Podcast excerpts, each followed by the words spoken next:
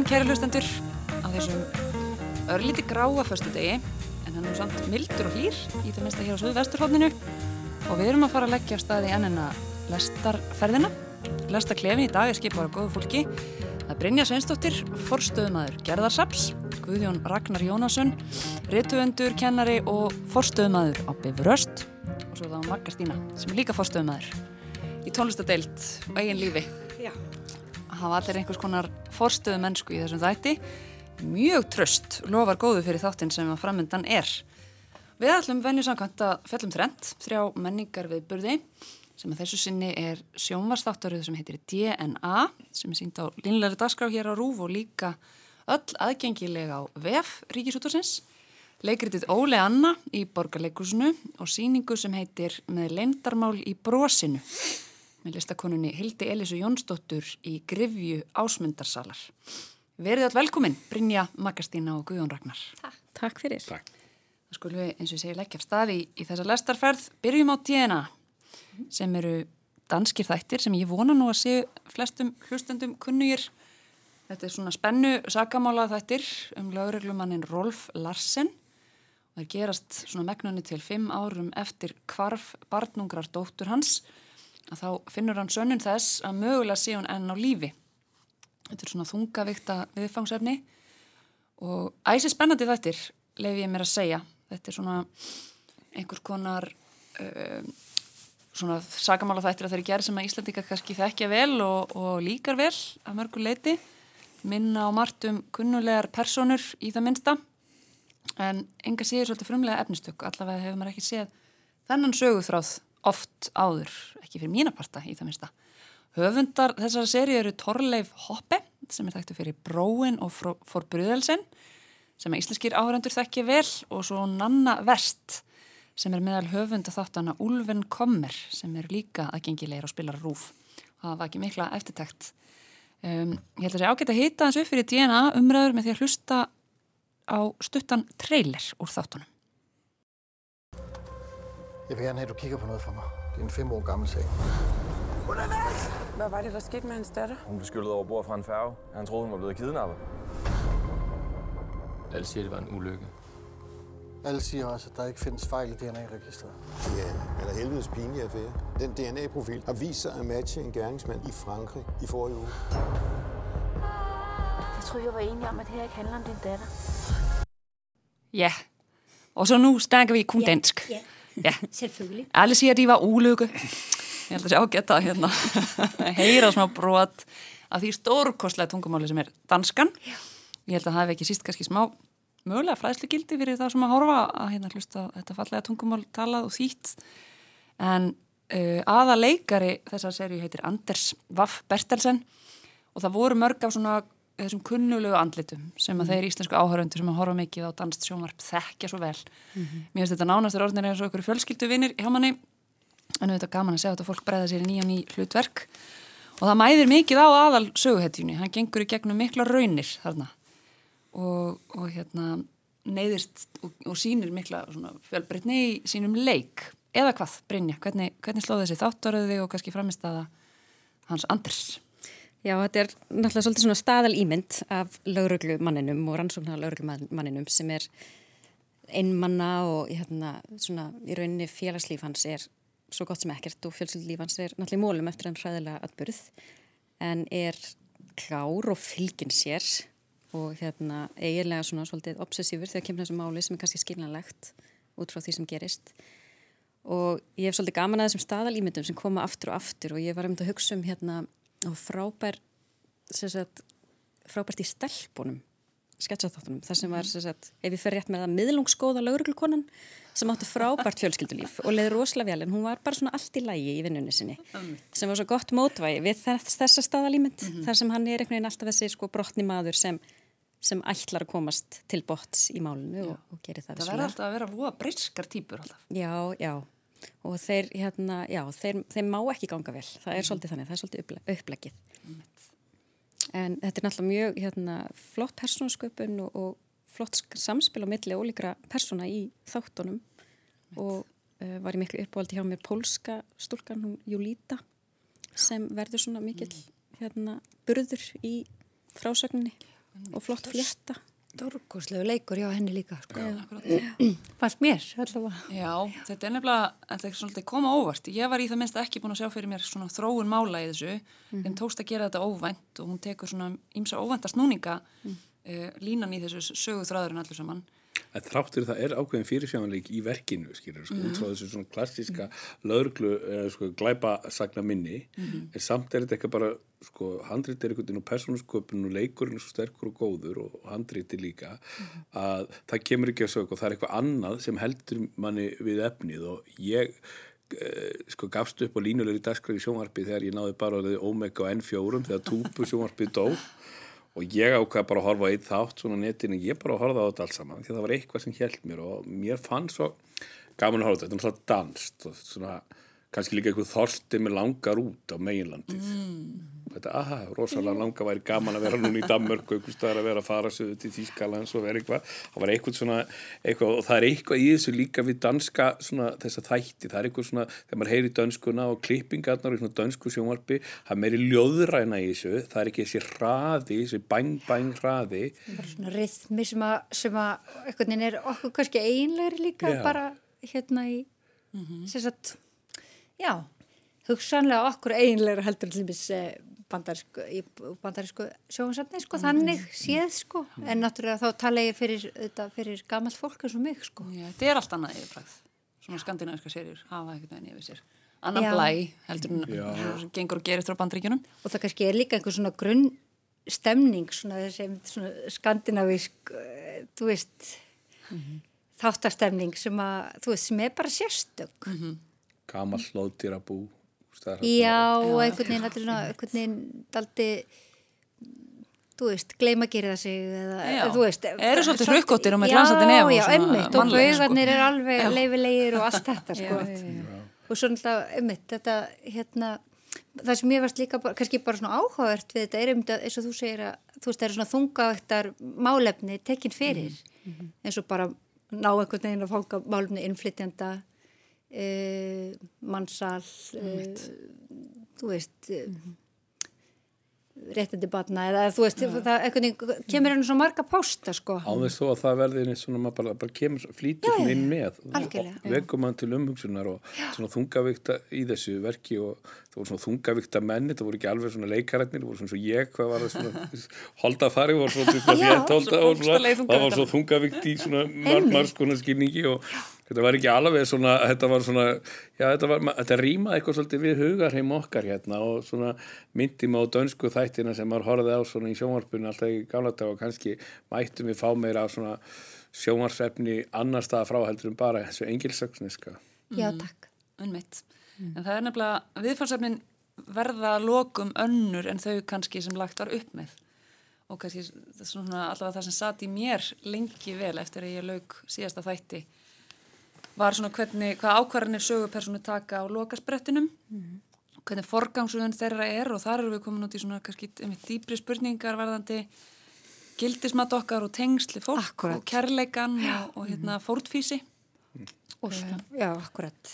Og líka, sko, hvað í rauninni, sko, lagaleg umgjörð og einhvern veginn þar sem lögreglan gerir er kannski rétt á pappir, það getur samt verið svo rosalega flókið mál. Þetta einhvern veginn sýnir hvað heimurinn er ekki svartkvítur, heldur ég eru oft, mér varst að eiginlega sorgljóstu stundirnar var þegar það var kannski verið að gera það rétta, svona bókstaflega, en, en kannski allir aðdraðend og allir tilfinningar sem kom inn í það gerði þetta alveg að hræðilega ríkjörð, sko.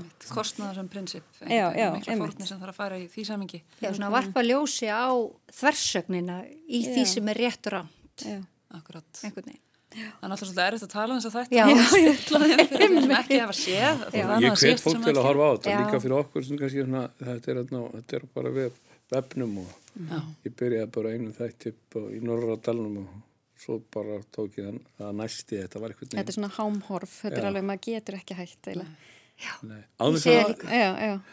og þetta var svona þó að það var ekki þessi hefbunna spennuform, þá var eitthvað samt sem alltaf hjælt manni við og maður fór í næsta þátt. Mitt. Ég meina, sko, það er alveg sagað til næsta bæjar, sko, að þú veist að ég vaki yfir sjónvarsefni til fjögur. Ég meina, það er bara náttúrulega alveg, það er hægt að ringi morgunblæði fyrir Akkurat, minna, sko, það gerist ekki oft Ha, Þetta er einhvern veginn alveg þannig, hún heldtekum hans í seria Já. og sé maður í aðstöð til þess þá, þá horfum maður bara á uh, hvern þátt að fætur öðrum. Ég tók svona makkastínu á þetta og vakti heilengi framöttir því maður getur bara ekki hægt að horfa einhvern veginn. Mm -hmm. Vil vita hvað gerist næst og þá hefnast eitthvað vel. Held ég að mér sé, mér sé óhætt að fullir það. Já, það er alveg óhætt að mæla með. En hvernig er það, því að nú er þetta Nordic Noir búið að vera einhvern veginn alltum líkjandi í nokkur ár hreinlega núna bara. Mm. Þessi svona drungalegu, dimmu, norrænu, skandinavisku spennisögur, bæði bókmyndum og afþreyingarefni, sjómas og, og hérna, sjómasáttum og kveikmyndum. Brynja, sér þú fyrir endan á því að er þetta bara komið til að vera? Hvernig? Ég veit ekki hvort því sem mann skemmt til að svara því, en mér finnst þetta vera orðið hansi svona sterkur hluti kannski af norðni menningu. Og mér fannst líka við þessa þætti var frískand að þeir gerðust ekki bara í Danmarku, þeir gerðust líka í Pólandi og þeir gerðust í Fraklandi og þeir flökkuðu á milli og það var hægt að fá líka sín ólíkra landa og það var náttúrulega eins og við erum búin að nefna svona fordómar komið fram og líka svona félagslegar aðstæður eins og hérna bara aðstæðu hvenna sem eru kannski einstæðir ungar og, og verða óléttar og er ekki hægt að get ekki færið í kannski lögulega fórstræðingar en sitja svo hríkalega sko illa eiginlega bara er, verða fyrir svona miklum fordómum og hérna er í svo erfiðir aðstæði, aðstæðum samfélagslega mm. þannig að þetta er svona tekur inn kannski svona málefni bara ólíkra þjóða og, og hérna, já tókst, já, tókst einhvern veginn svolítið að, að, að varpa svona pólitísku ljósi já, á já. sko, já aðstæðir fólks í ymsum landum sem eru samt nálegt okkur mm -hmm. Og bara þetta með tróbröðin og, og svona hversu langt ég er raun og verið bara alltaf hversu langt manniska gengur. Svona styrkti svolítið svona menningarlitt læsokkar vegna þetta var ekki sko, það var einmitt það sem ég fann svo skemmtilegt. Ég er alveg bólusettur fyrir glæpnum ég vingana og sko, en það var eitthvað annað í þessum þáttum sem að eitna, hérna, svona, var drivkrafturinn svona ég hefði á að og það er líka svona sæmi, það er svo stutt í Pólan mill Danmörkur og Pólan, þetta er bara land sem eru hlið við hlið sko og, og hérna, kannski, það var þetta einmitt sko, komið svolítið miða Evrópu hérna Einmitt, og það fannst mér líka vel gert hjá aðstandendum þessara þátt að þarna eru fengnir pólskir leikara það er ekki bara pólsku mælandi danir sem eru látni fara með hlutverk pólverðin í þessari sögu heldur var þetta bara í rauninni samstagsverkunum milli Danmarkur og Póland sem miklu leti til. Mm. og þeir sóttu sér hæfileika fólk þangað sem fer með þau helstu hlutverk sem að mér finnst í það minnst að vera viðringa verðt ég held að við séum búin að gera DNA ágætt skil mm. og vonandi hefur við ekki spilt þessu fyrir, fyrir spenntum hlustendum sem ætla sér að horfa. Ég held að sé bara tilvalið til dæmis að taka DNA yfir helgina. En hérna þá er gott að taka frá ansið margir klukkuna akkurat, mjög notalegt. Við skulum ferja okkur yfir í næsta mál á dagskrá sem er leikritið Óle Anna eftir uh, leikskóldi David Mamet í þýðingu Kristínar Eiríksdóttur sem er nú sínt í borgarleikúsinu með aðluturki þessu stykki fara Hilmisnær Guðnason og Vala Kristín Eiríksdóttir. Og Hilmisnær leikstýri þessu líka í samstarfi Gunnar Gunsteinsson að því það eruðu svolítið óvendar vendingar í aðdraðanda þessa verks. Við skulum hlusta á aðstandendur lýsa því sjálfur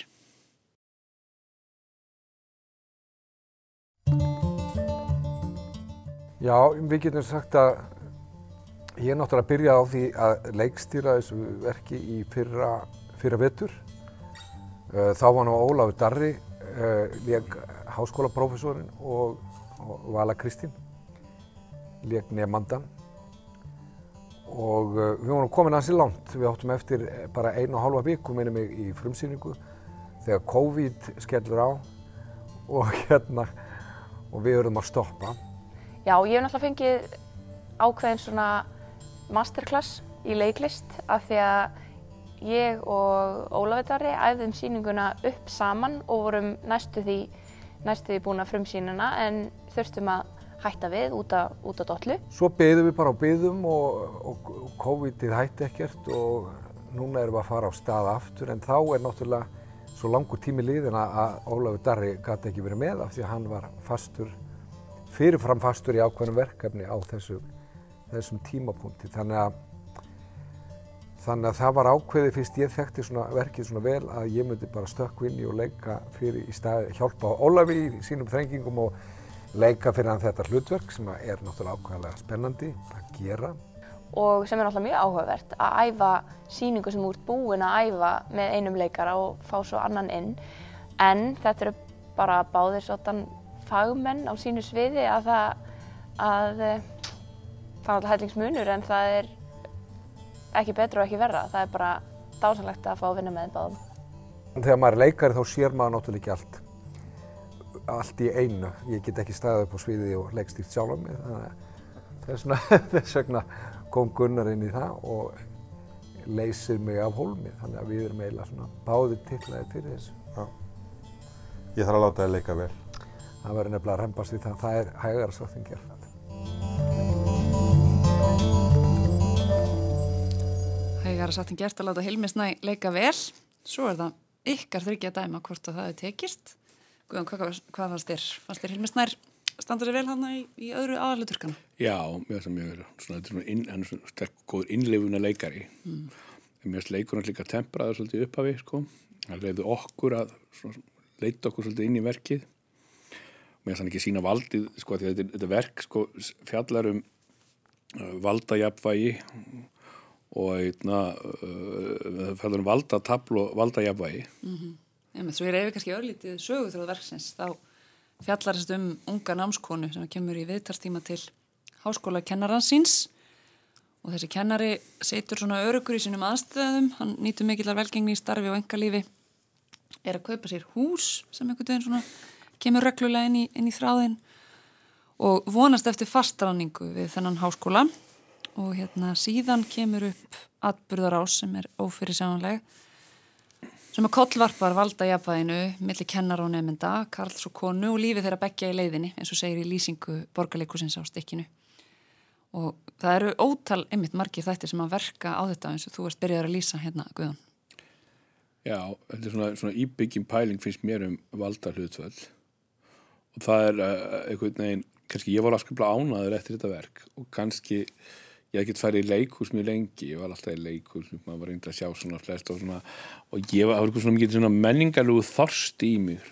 núna sko, hana en samt sem aður, ég var að reyna svona að fara yfir verkið í huganum og hvað ég var óanaði með og ég hef eiginlega ekkert út á þetta verka að setja þetta er afskaplega vel ekki og það er ekki oft sem ég er svona jákvæður, ég, þó ég sé nú frekar jákvæður eða eðlisvari en það var eitthvað, þetta var ofsalega vel leikið Hilminsnæri átti var mjög góður hérna og, og mér finnst hún líka mjög góð leikonan og hún sótti mjög í sér veðrið þegar að hérna, leið á verkið. Mm og mér fannst það var að kvörfi í verkinu þegar hún er valda, þegar hún er undir tökunum og mér fannst það mjög vel uh, útfært í verkinu. Og, eitna, og mér fannst þetta sko, þetta er náttúrulega leikur að tungumálinu og, eitna, og þetta er svolítið þetta, skilja þetta marga vegu og út frá mismunandi tímabilum sem maður horfir á þetta.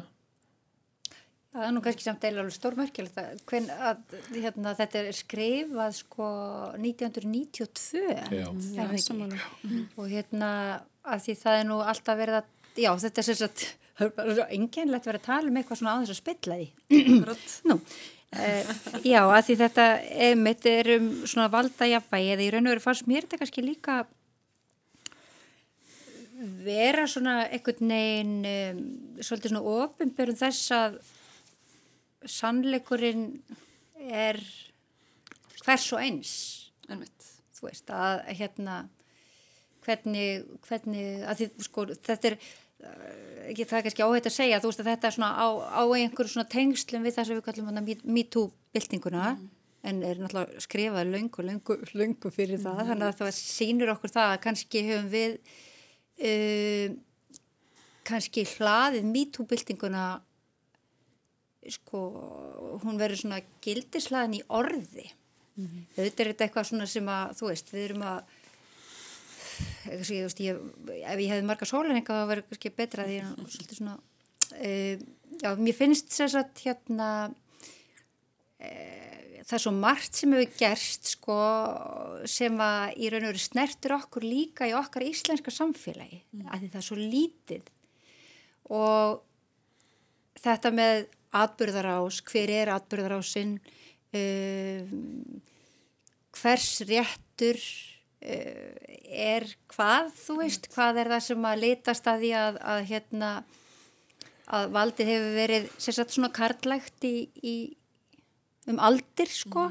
Mm -hmm. þú veist uh, mér fannst skemm, mér, það sem mér fannst mér fannst það alveg ótrúlega að fyndi líka þetta leikrætt, mm -hmm. ég veit ekki, ég var svona einn, sko það var svolítið feiminsalurinn og mér fannst ég hlæja á mjög óveðandi stöðum. Það er líka þetta að vera í salnum núna í leikhúsi á þessum Já. tímum, það eru ótrúlega skríti og það er bara hluti af ykkur ákveðni leikhúsu upplifun, maður situr einhvern veginn svona, það er bíl alltaf á milli og þetta voru einhvern veginn svona, mér, þetta verður nú eftirminni leikhúsi bara út af þessu sko, uppröðin í salnum og passa upp á fólk sæti svona og svona og hins eginn sko. Fjarlæðin með áhörandi gerir það kannski einmitt að verkum sem Maggastín er að lýsa.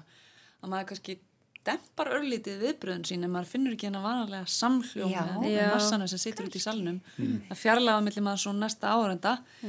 þannig að maður kannski bælir hláturinn og gráturinn meira en maður myndi annars gera, ég veit Mér það svona ekki salurinn hafi riðla svolítið Mhm. og svolítið eins og leikmyndin í verkinu Mhm. þegar við upphafið mæti maður svona órjónvalur akademísku veggur Mhm. sem svo þegar eftir svona hververði verkinu að þá riðlast þessi veggur og það breytast hlutvöldin svolítið í þessu sko. Já, og eru teknar upp svona tákmyndir, sko, Mm. þú veist, trúalega tákmyndir Já, og allt svo leið, sko. einmitt. Þannig að, hérna, já, það fannst mér einmitt hefnast vel, sko, og, og í raun og veru fannst mér einmitt svona, sko, takast rosalega vel upp í leik um, þegar að einmitt þessi svona margbrotni sannleikur sko, hérna, kemur svona berlega í ljós og það er þegar fólk missi kannski stjórnum tilfinningu sínum, sko. Einmitt.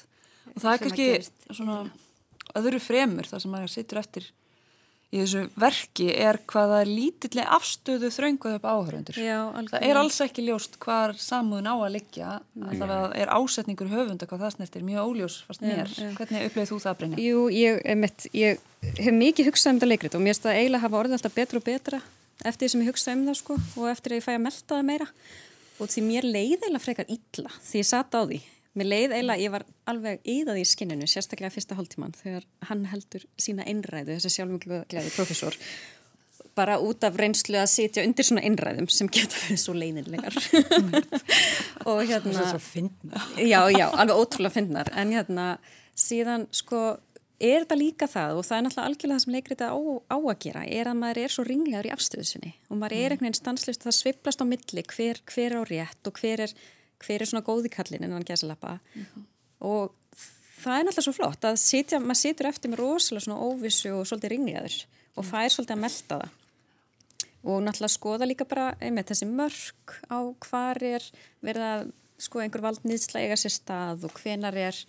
Og það er eiginlega bara mætti alveg færi rauk fyrir því að báðir aðeinar séu að beita valdnýðslu og hérna þannig að þetta er, þetta er rosalega flott hvernig það næri einhvern veginn að svibla manni. En maður bjóst við einhvers konar en að gera svolítið dæmi gerðri svona narratífu hvað snertir kynferðismál þar sem að það er einn skúrkur eða gerandi Já. og annað skýrt fórnalamb, þá er það ekki það sem það fær.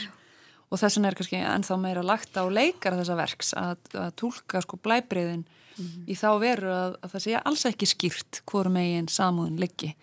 Og þú varst ánægð með framistöðu Hilmis og Völu Kristínar Guðjón. Já. Hvað veist þér um aðra umgjörð, tónlist og nú nefndir aðeins viðsmyndina hérna áðan og, og framsetning, það að verða allir þættir einhvern veginn að verka í þá veru að maður veit ekki Þetta- alveg hvað maður Þetta stendur. verk er búið að fylgja mér út vikuna. Ég var nú líka eitthvað bara kannski búið að fylgja mér líka því að geta farið eitthvað og hýtt annað fólk og sjá annað fólk. Ég er svo rosa gladur sko að komin út úr tímsfundunum verið tíms og mín á ekki alveg samleið og komin í eitthvað svona lifandi verið og ég hef reynt svona var að reyna að fara yfir það hvað mér finnist eiginlega að. Ég svona, svona sá svo sem átti svo erfitt með að finna eitthvað sem ég var óanað með. Ég var bara mjög ánaður með verkið. Og ég var bara einhvern veginn að já, það er bara við það var eitthvað bjar, virkilega gaman að koma í leikús og líka það að þetta verk fylgir manni áfram út vikuna Mér finnst líka, já, Nei, ég ætla bara að segja líka með þessa nýja upplifun að sitja hann með grímu og með bíl og milli og það náttúrulega má ekki vera hlýja. Þannig að mér fannst til dæmis verða mjög fallegt þegar það verið að breyta leikmyndinni. Það varðilega svolítið svona Já. performance þegar það var komið og það var verið mitt að breyta upp þessa veggi. Sem annars yrði þeir sannlega gert í. Já, einmitt, sem maður átti í rauninni kannski ekki að horfa á en, en varð bara Mhm. svona falleg svona þögn eiginlega á milli. Og eiginlega alveg, það, maður getur þakka COVID fyrir ímislegt, sko, eins og til dæmis þetta að, hérna, strikk út hlið. Akkurat. Það verður ekki þetta róf. Þú veist, maður- sem er sko yfirlýstur andstæð, andstæðingur hlés.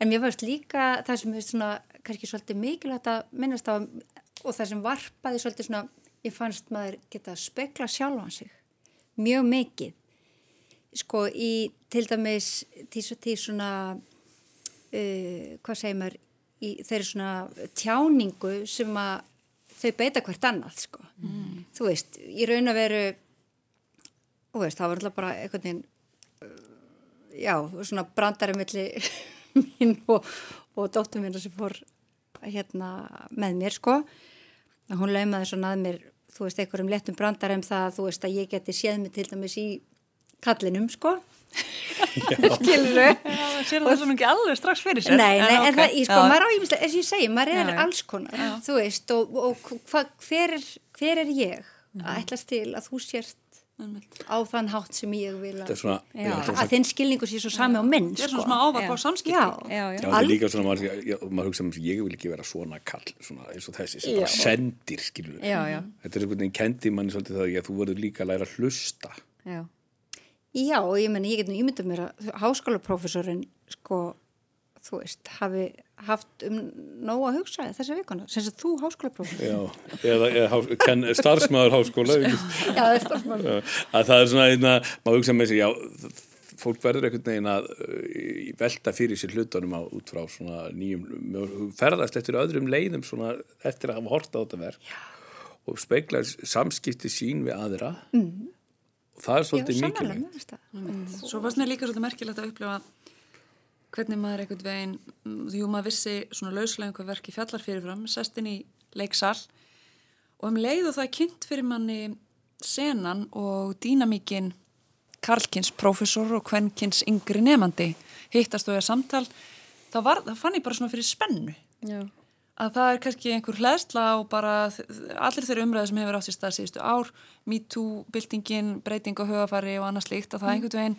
liggur eitthvað í loftinu þegar maður sér bara þessa dýnamík og mm. þessar manneskjur í, í ólíkum stöðum að þá herpist maður svona nánast saman og býst við því að það verði kannski eitthvað, eitthvað vandamál, eitthvað tókstrætti. Það er alveg stórmerkilegt sko, bara, bara ástæði til þess að hugsa það. En, en síðan er þetta náttúrulega líka í orðið svolítið að staðal ímynd í sjónvarsefni og leikritum og, sjón, og, og bíómyndum er háskóluprofessorun sem ég ætlar að vera erfiður og, hérna, við nefnda sko þannig að það er kannski já. og þannig að búast við ójabæðinu í það minnsta þegar maður er veit að maður er í þann mynd að fara að heyra einhvers konar sögu af einhvers sem alltaf stað mm. en svo er það Maggastína því þú nefndir sko það er náttúrulega einhverja ára týjir síðan þetta verk var skrifað já. en mann er fyrst að samtala mjög skýrt inn í okkar samtíma mm -hmm. Þrátt fyrir alla þá hugafarsbreytingu og, og umbyltingu á viðhorfi afstöðu sem hefur átt sér stað síðan þá Akkurat Eða hvað? Sko. Já, akkurat Eða hvað? Mm -hmm. Sko að því við, okkur, við verðum alltaf svo fegin sko þegar við getum mm -hmm. sko tekið hluti eins og til dæmis MeToo-byltinguna og bent á hana sko sem ástæðu eða forsendu fyrir því að eitthvað hafi breyst mm -hmm. en hefur eitthvað breyst? Mm, það er eiginlega kannski svona, já, skilur svolítið eftir, þú veist, hvað, hvað er það sem hefur breyst? Hefur við, hefur við haldið áfram með þessa, þessa samræði, eða þessa, þessa svona, mm -hmm. þú veist, mm -hmm. að þið verið svo, það, það, það sem við vilja verið besti, það er alltaf bara að fara heim aftur og skellja í lás. Þú veist, mm -hmm. eitthvað gerist, mhm. það hefur gerst, svo fyrir við bara heim. Já, og varpa öndinni léttar að það séum ekki við sem hefum hlutamáli. Já, og svo, emmitt kennir mann svolítið að hlusta mm. Já maður að hlusta svona, og ég er enn að hlusta á verkið í kollin maður áfram og svona þessi, þessa personu sem var svona uppfulla sjálfur í sér sko mm. og bara sendir tónin alltaf að senda og segja sko reynslusögurnar sko Já sko, þið forsendur, þú gefur þér alltaf þínar eigin forsendur mm. þegar þú talaði á aðra mannesku Þú veist, það bara Já. Það einhvern veginn er eins og það er kannski doldið eðlislegt sko, þú gefur auðvitað, mm -hmm. ég meina hvað átt að gefa þér annað en mm -hmm. þér er fullkomlega nöðsynlegt í, í hérna samfélagi mm -hmm. að vera ofin fyrir því að, að sannleikur sé margur og kannski svona þessi bergmálshellir sem maður lifir í alltaf mhm. sko. hann er kannski ekki eini, eini, eini sanni, sko, eini rétti við erum, mhm. það er svo sannleikurinn er svo margþættur og marg slungin Já. Mm.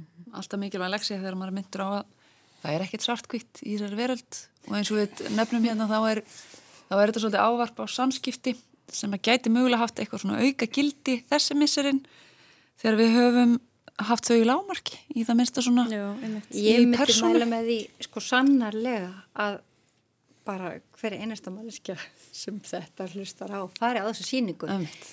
vegna þess að ég hugsaði sko bara ég verður að segja þessum að fara á, ég verður að segja hennar fara, ég verður að segja Mhm. honum að fara þú veist, mér fannst það alveg sér, sko, mér finnst hún alveg sérstaklega svona já, þörf Já. og þetta sviðið virkaði búið vel að passaði mjög vel þetta sviðis og þessi umgjörð utanum verki hæfði vel þessu leikriti Já. fyrst mér Einmitt. Varst vel gert þarna og Já, kannski og- einmitt tækifæri til sjálfskoðunar eins og þið maðgurnar nýttu það í, hefist mér.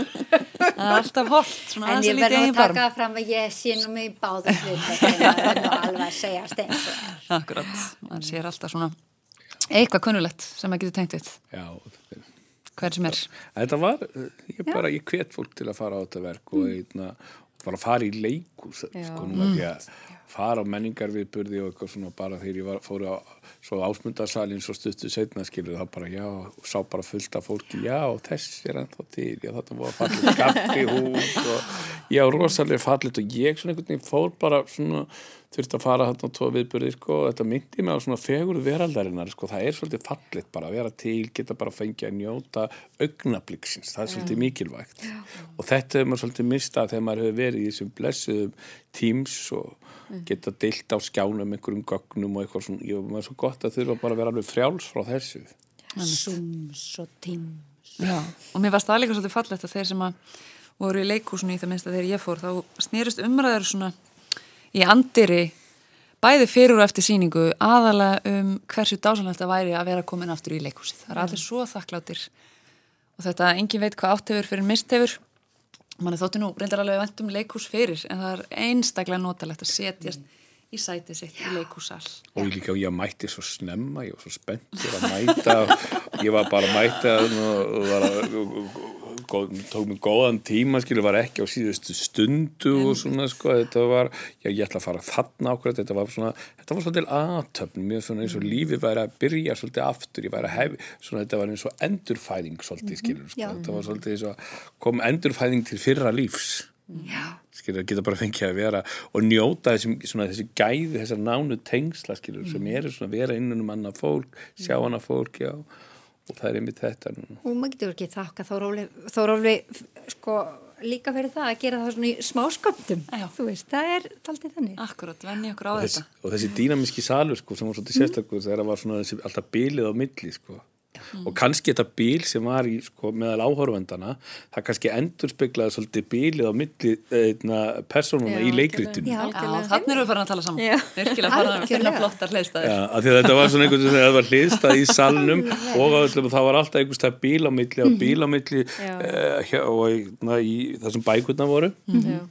og leikmyndin og, og bara þessi og, og, og þetta var einhvern veginn svona það var eiginlega svona tvöföld leikmynd það var eiginlega salurinn Akkurat. Þegar svo herri maður leikara þessi misseri nefnaða hversu krefjandi það er að geta ekki greint svipriði í áhöröndum. Að þau eru hulin með grímum Einmitt. og leikarinn alltaf vanir að fá einhvers konar endurgjöf úr svipriðum salarins eða hvort fólk er að gráta með þeim eða hlæja með þeim eða hvernig það er.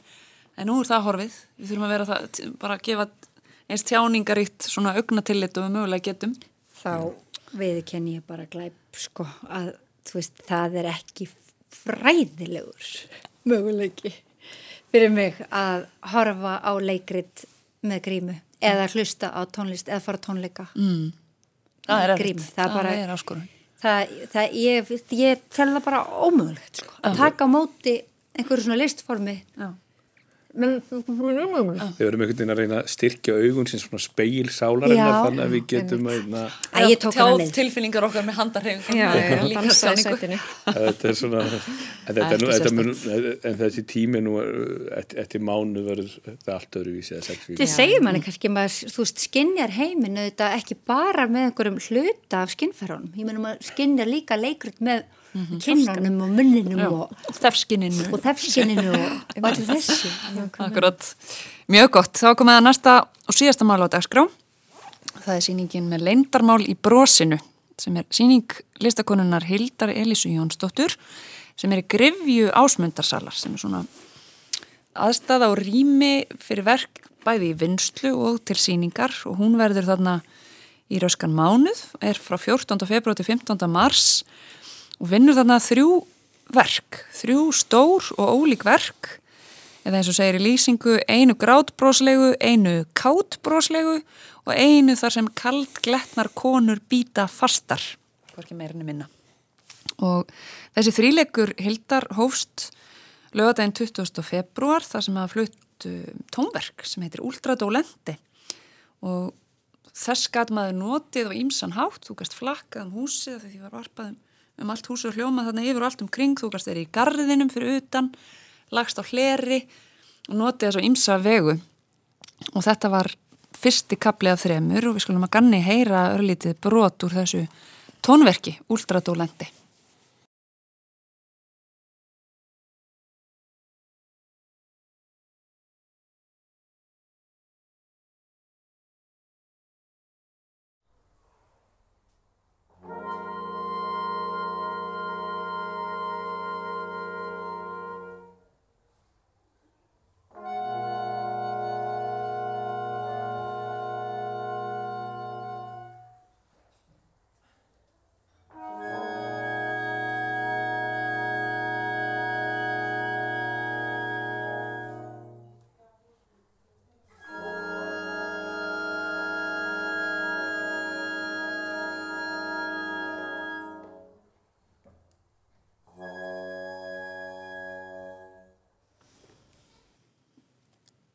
Mitt, svo margi voru þeir tónar.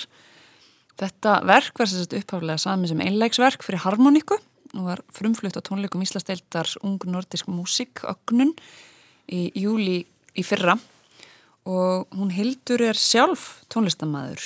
Hún er fættar á 1993 og lög burt var að prófi á klarinettu árið 2015 og síðan lög hún bíagráðu frá myndlistadeild Listaháskólans árið 2019. Þannig að hún er mörgum nútum kunnug og hún fekk afbræðs gott tónlistarfólk til þess að flytja þetta verk. Ég ætla nú bara hreinlega að þylja þau öll upp. Það voru Bergur Þórisson, Björg Brjánsdóttir, Guðmundur Andri Ólafsson, Ingi Garðar Erlendsson, Ingi Björg Asíma Guðlóksdóttir, Jakob Fann Ósterhátt, Rakel Björg Helgadóttir, Sólei Björg Einarsdóttir og Steinun Vala Pálsdóttir sem fluttu þetta verk.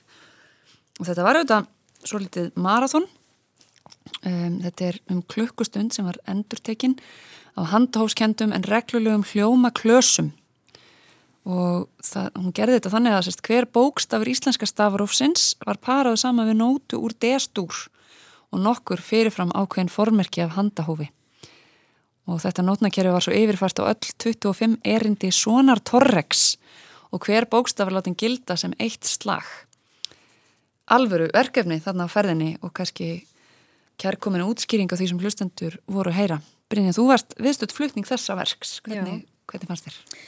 Mér fannst þetta að vera virkilega fallegt og sko þegar maður hugsa líka um svona tárrik þá er fyrsta erindið er fjórföld endurtekning á því að Eilska Skallagrimsson get ekki tala af sorg og það er svo mikil svona, það er svo mikil svona taktur og endurtekning í verkinu sem ég fannst rýma rosalega vel við svona tárrik og auðvitað er þetta í rauninni bara þýðing á svona tárrik yfir í tónlist á vissan hátt en það sem ég ég syns að því ég var að fara á þetta þá sá ég fyrir mér að ég myndi sitja eins og meira í hefðbundu leikhús uppröðun í salnum upp í ásmundasal en síðan eru tónlistamennir niður í grefju og maður eiginlega gengur um rýmið eins og þú saðir og mér fannst það eiginlega alveg frábær upplifun út því maður er svolítið svona á vergangi í orðsins, svona í bestu merkingu orðsins mm -hmm. sem áhörandi á þessu verkjum maður er að ganga um, maður getur sest alveg hjá tónlistamennunum og horta á þá maður getur öll upp á efri hæð og heyrt þetta lengra frá, maður getur farið inn á kaffihúsið og, og heyrt þá kliðin blandast við.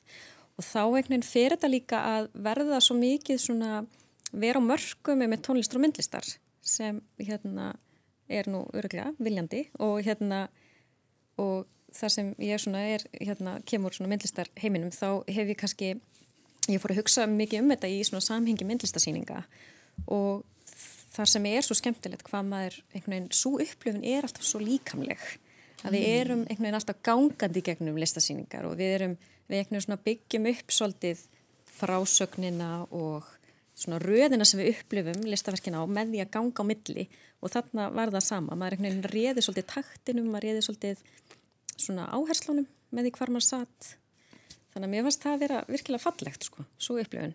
Ennmitt. Hvernig horfir þetta við tónlistakonunni, Magristina? Jú, hérna, ég, því miður sko komst ekki til þess að vera sagt, viðstu uh, lifandi flutningin en, en hérna einmitt sko rann bara beintahljóðum leði kom inn sko að því að mm -hmm. sko og fór hérna ofan í grif, grifina mm -hmm. og einmitt valdi þar bara lengi mm -hmm.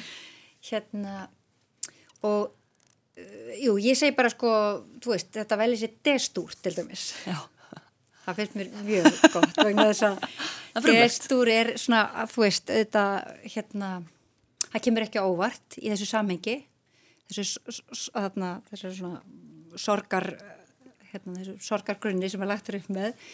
En hérna og það gefur þessu einhvern veginn svolítið svona hvað segir maður svona ávalt þak einhvern veginn yfir allt tónverkið sko þú veist, að, að hérna taka hvern staf stafrósins og rammaninn innan destúrs, skilur, það er einhvern veginn, það gefur þessu einhver svona, uh, hvað segir maður, á, á, ákveðin ramma eða, þú veist, en alls ekki ramma heldur svona, kannski meira svona eins og uh, ringlaða þak, mm -hmm. upplið ég, sko. Ja. Og mér fannst rosalega gaman nefnit að hérna, dvelja þarna inn í herbygginu og skoða nóturnar, að því nótur eru líka um, það eru svo geta verið svo takkgrænar sko, veist, það, eru þetta svo mikið mynd, myndlisti sjálfið sér sko.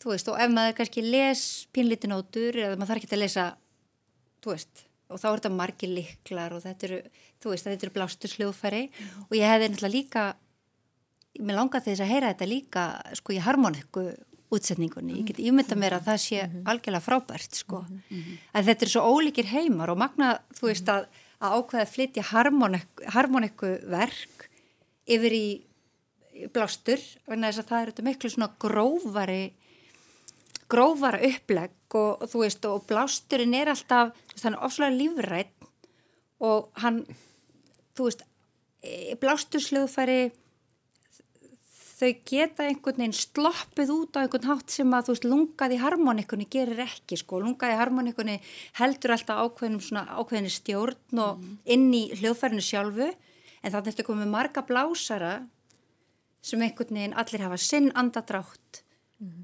þú veist, gefa okay. sínum hljómum, sína merkingu og stundum fannst mér að kannski vera of stort fyrir rýmið, skiljið mm. þú veist, en en samt sem að það er náttúrulega alveg frábær upplifun sko, en ég get farið endalust inn í það þú veist að, að tala um upplifun og tónum og, svona, mm. og það sem ég er um þetta svo þakklátt fyrir oft þetta með myndlistina og tónlistina að ég verði alltaf svo þakklátt fyrir svona abstrakt eh, upplifans að þú veist að fei, ég verði svo fegin sko mm.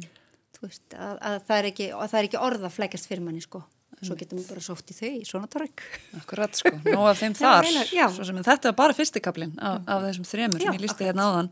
Guðjón, þú, þú sást nú annan kabla þessa verks. Að, Mér fannst ég ganga í einhvern svona sumaland svona veröld sumarsins. Já, þannig er búið að koma fyrir grasi já. í grifinni, segja okkur að frá hvað blasti við? Já, það voru bara svona bláleit bláleiti vekkir með svona hvítum skíum og svo grasið og Já, þetta voru svona sterkir lítir og þetta var skemmtilegt að brítu svolítið upp í hefðbjörna galleri sko. Og þetta er svona, ég fann svolítið svona stert fyrir endurtekningunni, hún var svona mér ofalega í huga þegar ég kom að inn. Og na, þetta er svona gjörningur og ég ætla að fylgjast með þessu áfram, ég var að ákveðin í því. Því að mér fannst þetta gaman að fara á þetta. Þetta var svona, fyrir mig sko ég kom bara beint og nú norðræðal í gær og ákveði að ég ætla nú að skoða þetta, ég þarf að kíkja þess að þetta og þetta, þetta er svona svolítið mentandi að fara á þetta og ég þarf að fara aftur og ég þarf að melda þetta og þetta vekur áhuga mín. Mm -hmm. að því að þetta er svona svo var afskaplega gaman að koma í ásmundasalinn og, og þetta var svona einhvern veginn svona, hlý, svona fylgti svolítið vel út í rýmið og ég fannst þetta mjög áhugavert ef við múum að segja það skilur sko. Mitt. og ég áttur að skoða þetta betur. Og nokkuð ljósta heldur hefur sko valda á ansi mörgum svona miðlunaleiðum, það vantar ekki og ég rætti nú aðeins við hana þannig að hún er náttúrulega í grifínu að vinna þessum verkum og, og er þar svona til skrafs og ráð að gera við þá gesti sem heimsækja gestgjafi og, og gaman að koma og hann og spjalla við hann og þar er hún líka sko laðið svolítið áherslu á kýmningána og húmórin sem er í þessum verkum hjá. Að Þetta er ekki svona, þetta sonar torrek sem innblástur hljómi áfsalega þungbúinn og dramatískur. Þá er nú líka svona kýmin tótt í þessu Mm. og hún mun nýta tíman vel í framhaldinu eins og ég sagði áðan þá, þá stendur hennar vinnustof yfir til 15. mars og helgina 13. til 14. mars þá verður sínt þarna tónverk ásamt innsetningu fyrir lítinn kvennakór og það er byggt á hlutverki kvenna í Íslandingasögunum og hvernig þeim er líst og þær skrifaðar og vinnitill þess verks er til þín er segður gerður eða I put a spell on you og svo hún hér við að verkinu eða öll sameilegt að hafa verið lengi í bígerð og það er eitthvað broslegt við þau eða minnstakosti eitthvað sem að henni þykir fyndið. Henni þykir mjög mikilvægt að það sé húmór í sínu verkum, jafnvel þó það þurfið að horfa á þau lengi til þess að hann komi fram, annars myndi hún vallan henni að þessu. Þetta finnst mér skemmtilegt. Varðst þú vörfið kýmnigána í þessu, Brynja? Ég veit ekki, með kymningáfi, mér fannst samt sko, það var léttleiki. Það var bæði þyngd og léttleiki og það var kannski líka út af því að hún var líka þannig á staðnum og var svo svona afslöpuð. Mm. Og mér fannst það, finnst það mitt ofta áhugavert að hvernig maður hegða sér inn í svona síningum að maður fer, maður fer ofta að hugsa, er ég að gera rétt? Er ég, á ég að vera alvarlega á svipi núna? Má ég brosa núna, má ég hlæja núna? Og hún var þarna og, og var svona spjallandi léttu fólk og bendaði maður, já þú mátt fara þarna og setjast hjá tónlist, tónlistamennunum, þú mátt fara þangað. Og, og þá ekkert gerði þetta svolítið öðru í þessu upplifun sko, að maður mátti svona gata en svona flætt, svolítið svona Mhm. afslappað um rýmið Slaka á liti á. Já, Þetta ekki verið svona á, sko. stífum Nei, einmitt. myndlistarsýningarstelling. Nei, það var, það var einmitt þessi, þetta er svona svona tórik að fjallar hann um svona, þetta er svona torsótt hemd eftir síni, sko, Mm. eins og merkingin er, en kannski er þetta torsótt hemd núna með því að fara á þetta og fylgjast með þessu fyrir glataðan tíma, sko, að því að við erum svona, þetta kallar svolítið á að við þurfum svolítið að hugsa, Mhm. við þurfum að velta fyrir okkur, svona við þurfum að nota kollina á okkur og Mhm. hvernig við skinnjum hlutina og, Mhm. og ég hvet fólk til að fara að skoða þetta, þetta er aðtiklivert mjög svo. Já. Ömmitt. Og yfirskriftin með leindarmál í brosinu er líka skemmtileg. Hún sótti hana í ljóð Jakobínu Siguradóttur sem heitir Vorljóð á Íli. Það er svona. Og vina þín sem grét meðan vindarnir nættu um blómin hennar veik í vetralöngu frostinu. Hún kom sunnan stígin með sumardögg í hárinu, létt eins og ljósið með leindarmál í brosinu. Dás. Þar með setjum við kannski punktin aftan við síningu Hildar Elísu í Ásmundarsal, grifi Ásmundarsalar. Stendur yfir í þó nokkuð tíma í viðbútt, við kveitjum hlustendur til þess að kynna sér hana. En rétt áruna við ljúkum þessari lestaferði, ég sé nú glitta í áfangastæðin en við um ennþá nokkrar mínútur aukreitis. Það varst með gaman hvernig þú myndist að áðan Guðjón og þið tókuð undir, Makastín og Brynja, hvað er svona léttleiki í andrúsloftinu. Mér finnst þess að voru sér nánast komið, maður skinnjar það, maður finnur lyktin af því, svona kannski takt við um, svona léttun og, og liftingu á þeim reglum og, og takmörkunum sem að hafa svona kannski takmörku okkur af undaförnu. Hvernig er þetta að njóta lífsins og svona kannski menningar og lista samingi á næstunni? Er þið með eitthvað sem eitthvað lakar sérstaklega til að upplifa taka móti á næstunni? Ég var nú að skoða með leik, leikhúsin, það er allt upphanta, þannig ég þannig að fara að beita einhverjum aðferðin til að fá miða og Og kannski færið okkur aftur þá í, í þennan þátt sko Já. svo við getum fengið miða. Já, akkurat, sko, tryggja allum miða á þessar síningar. En nú er eftir síðustu tilslaganir var nú örlítið þetta fjölga. Já. En þá að ég maður vunum að komast kannski. Það er leikhúsi sem kalla mest að þig Guðjón. Já, og ég fór í útgáfu fögnu í gær, og hann var að gefa út bók sem heitir Klón og ég var gaman að hitta fólk út í forlægi.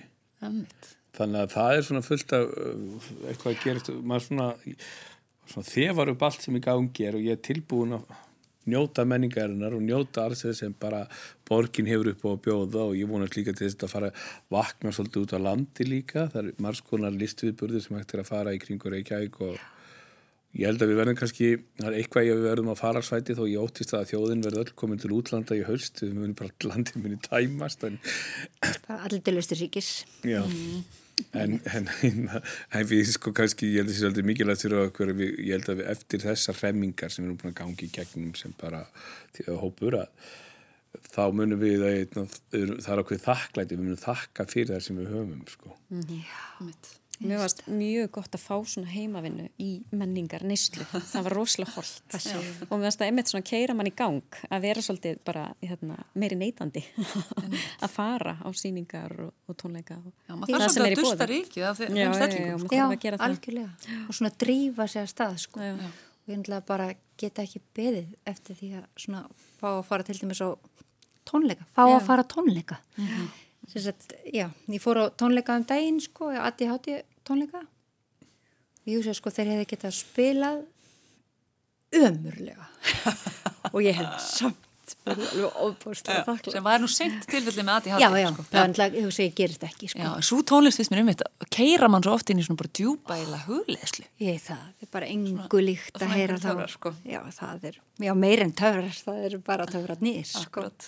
Það er eitthvað rosalega þakklæti svona, þetta Já. mynd okkur á hvað maður er nú heppin að fá að njóta ímessa lista á menningar Ég fór í bókamarkaðin í morgun Mm. það var allt fullt af fólki á bókamarkaðum, allir með grímu og allir að kaupa bækur og það er alltaf að vakna.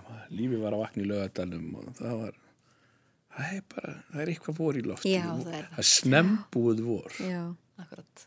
Hítast ég segir líka þá sögu, svo Við erum að heyra, finnum stert einhvern veginn rattir vorsins vakna hérna. Þetta er, Sjö gráður eru sjö gráður. Já, já, já. Það voru lofti og mér svo fallegt að ég skuli enda þetta þessum björtunótum á pínlíti gráum först steg. Það er bara tímabundið. eins og segi þá er ekkert nema bjart framöndan.